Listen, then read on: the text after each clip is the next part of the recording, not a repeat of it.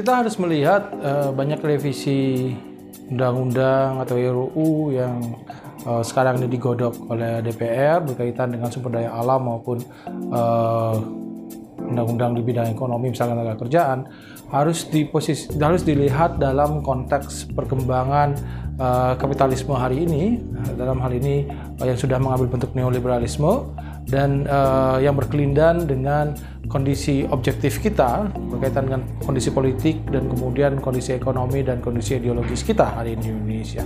Nah, uh, di luar sana memang banyak yang menggunakan tesis um, oligarki untuk menjelaskan bahwa DPR kita, negara kita, hukum kita semua sudah di capture, sudah di uh, diambil alih oleh kekuatan-kekuatan oligarki di mana hukum kemudian semata-mata dijadikan instrumen kelompok elit atau instrumen para oligarki ini dalam mengejar kepentingan mereka.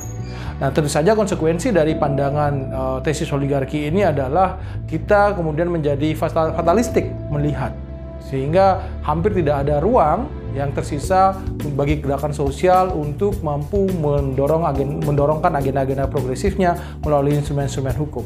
Oleh karena itu, saya mengajak sebenarnya melihat hukum secara lebih dinamis bukan sekedar merupakan instrumen tapi sebagai sebuah uh, entitas yang tetap memiliki uh, otonomi relatif yang menyediakan ruang-ruang untuk gerakan sosial terus mendorong-dorong agenda agenda progresifnya dalam uh, uh, melalui kebijakan-kebijakan uh, negara.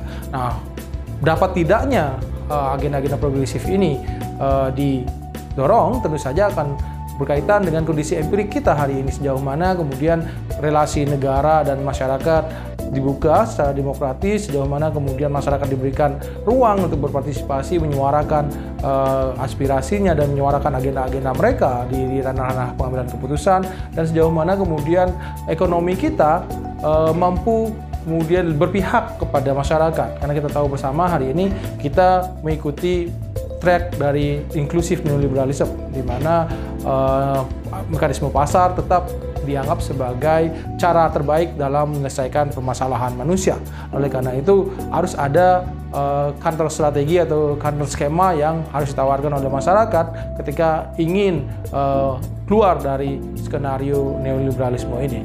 Nah, apa yang bisa dilakukan oleh gerakan sosial tentu saja bacaan-bacaan objektif ini harus kita diskusikan bersama, harus kemudian kita uh, uh, dorong bersama untuk memperkuat solidaritas, memperkuat perjuangan kita. Karena bagaimanapun kita tidak bisa berpikir fatalistik bahwa uh, eh, RUU hari ini harus harus kita intervensi ya revisi hari ini yang ada di DPR harus kita intervensi. Karena kalau bukan kita uh, makanya hukum akan menjadi instrumen bagi penguasa. Oleh karena itu rakyat yang kemudian harus merebut uh, hukum itu untuk menjalankan kepentingannya.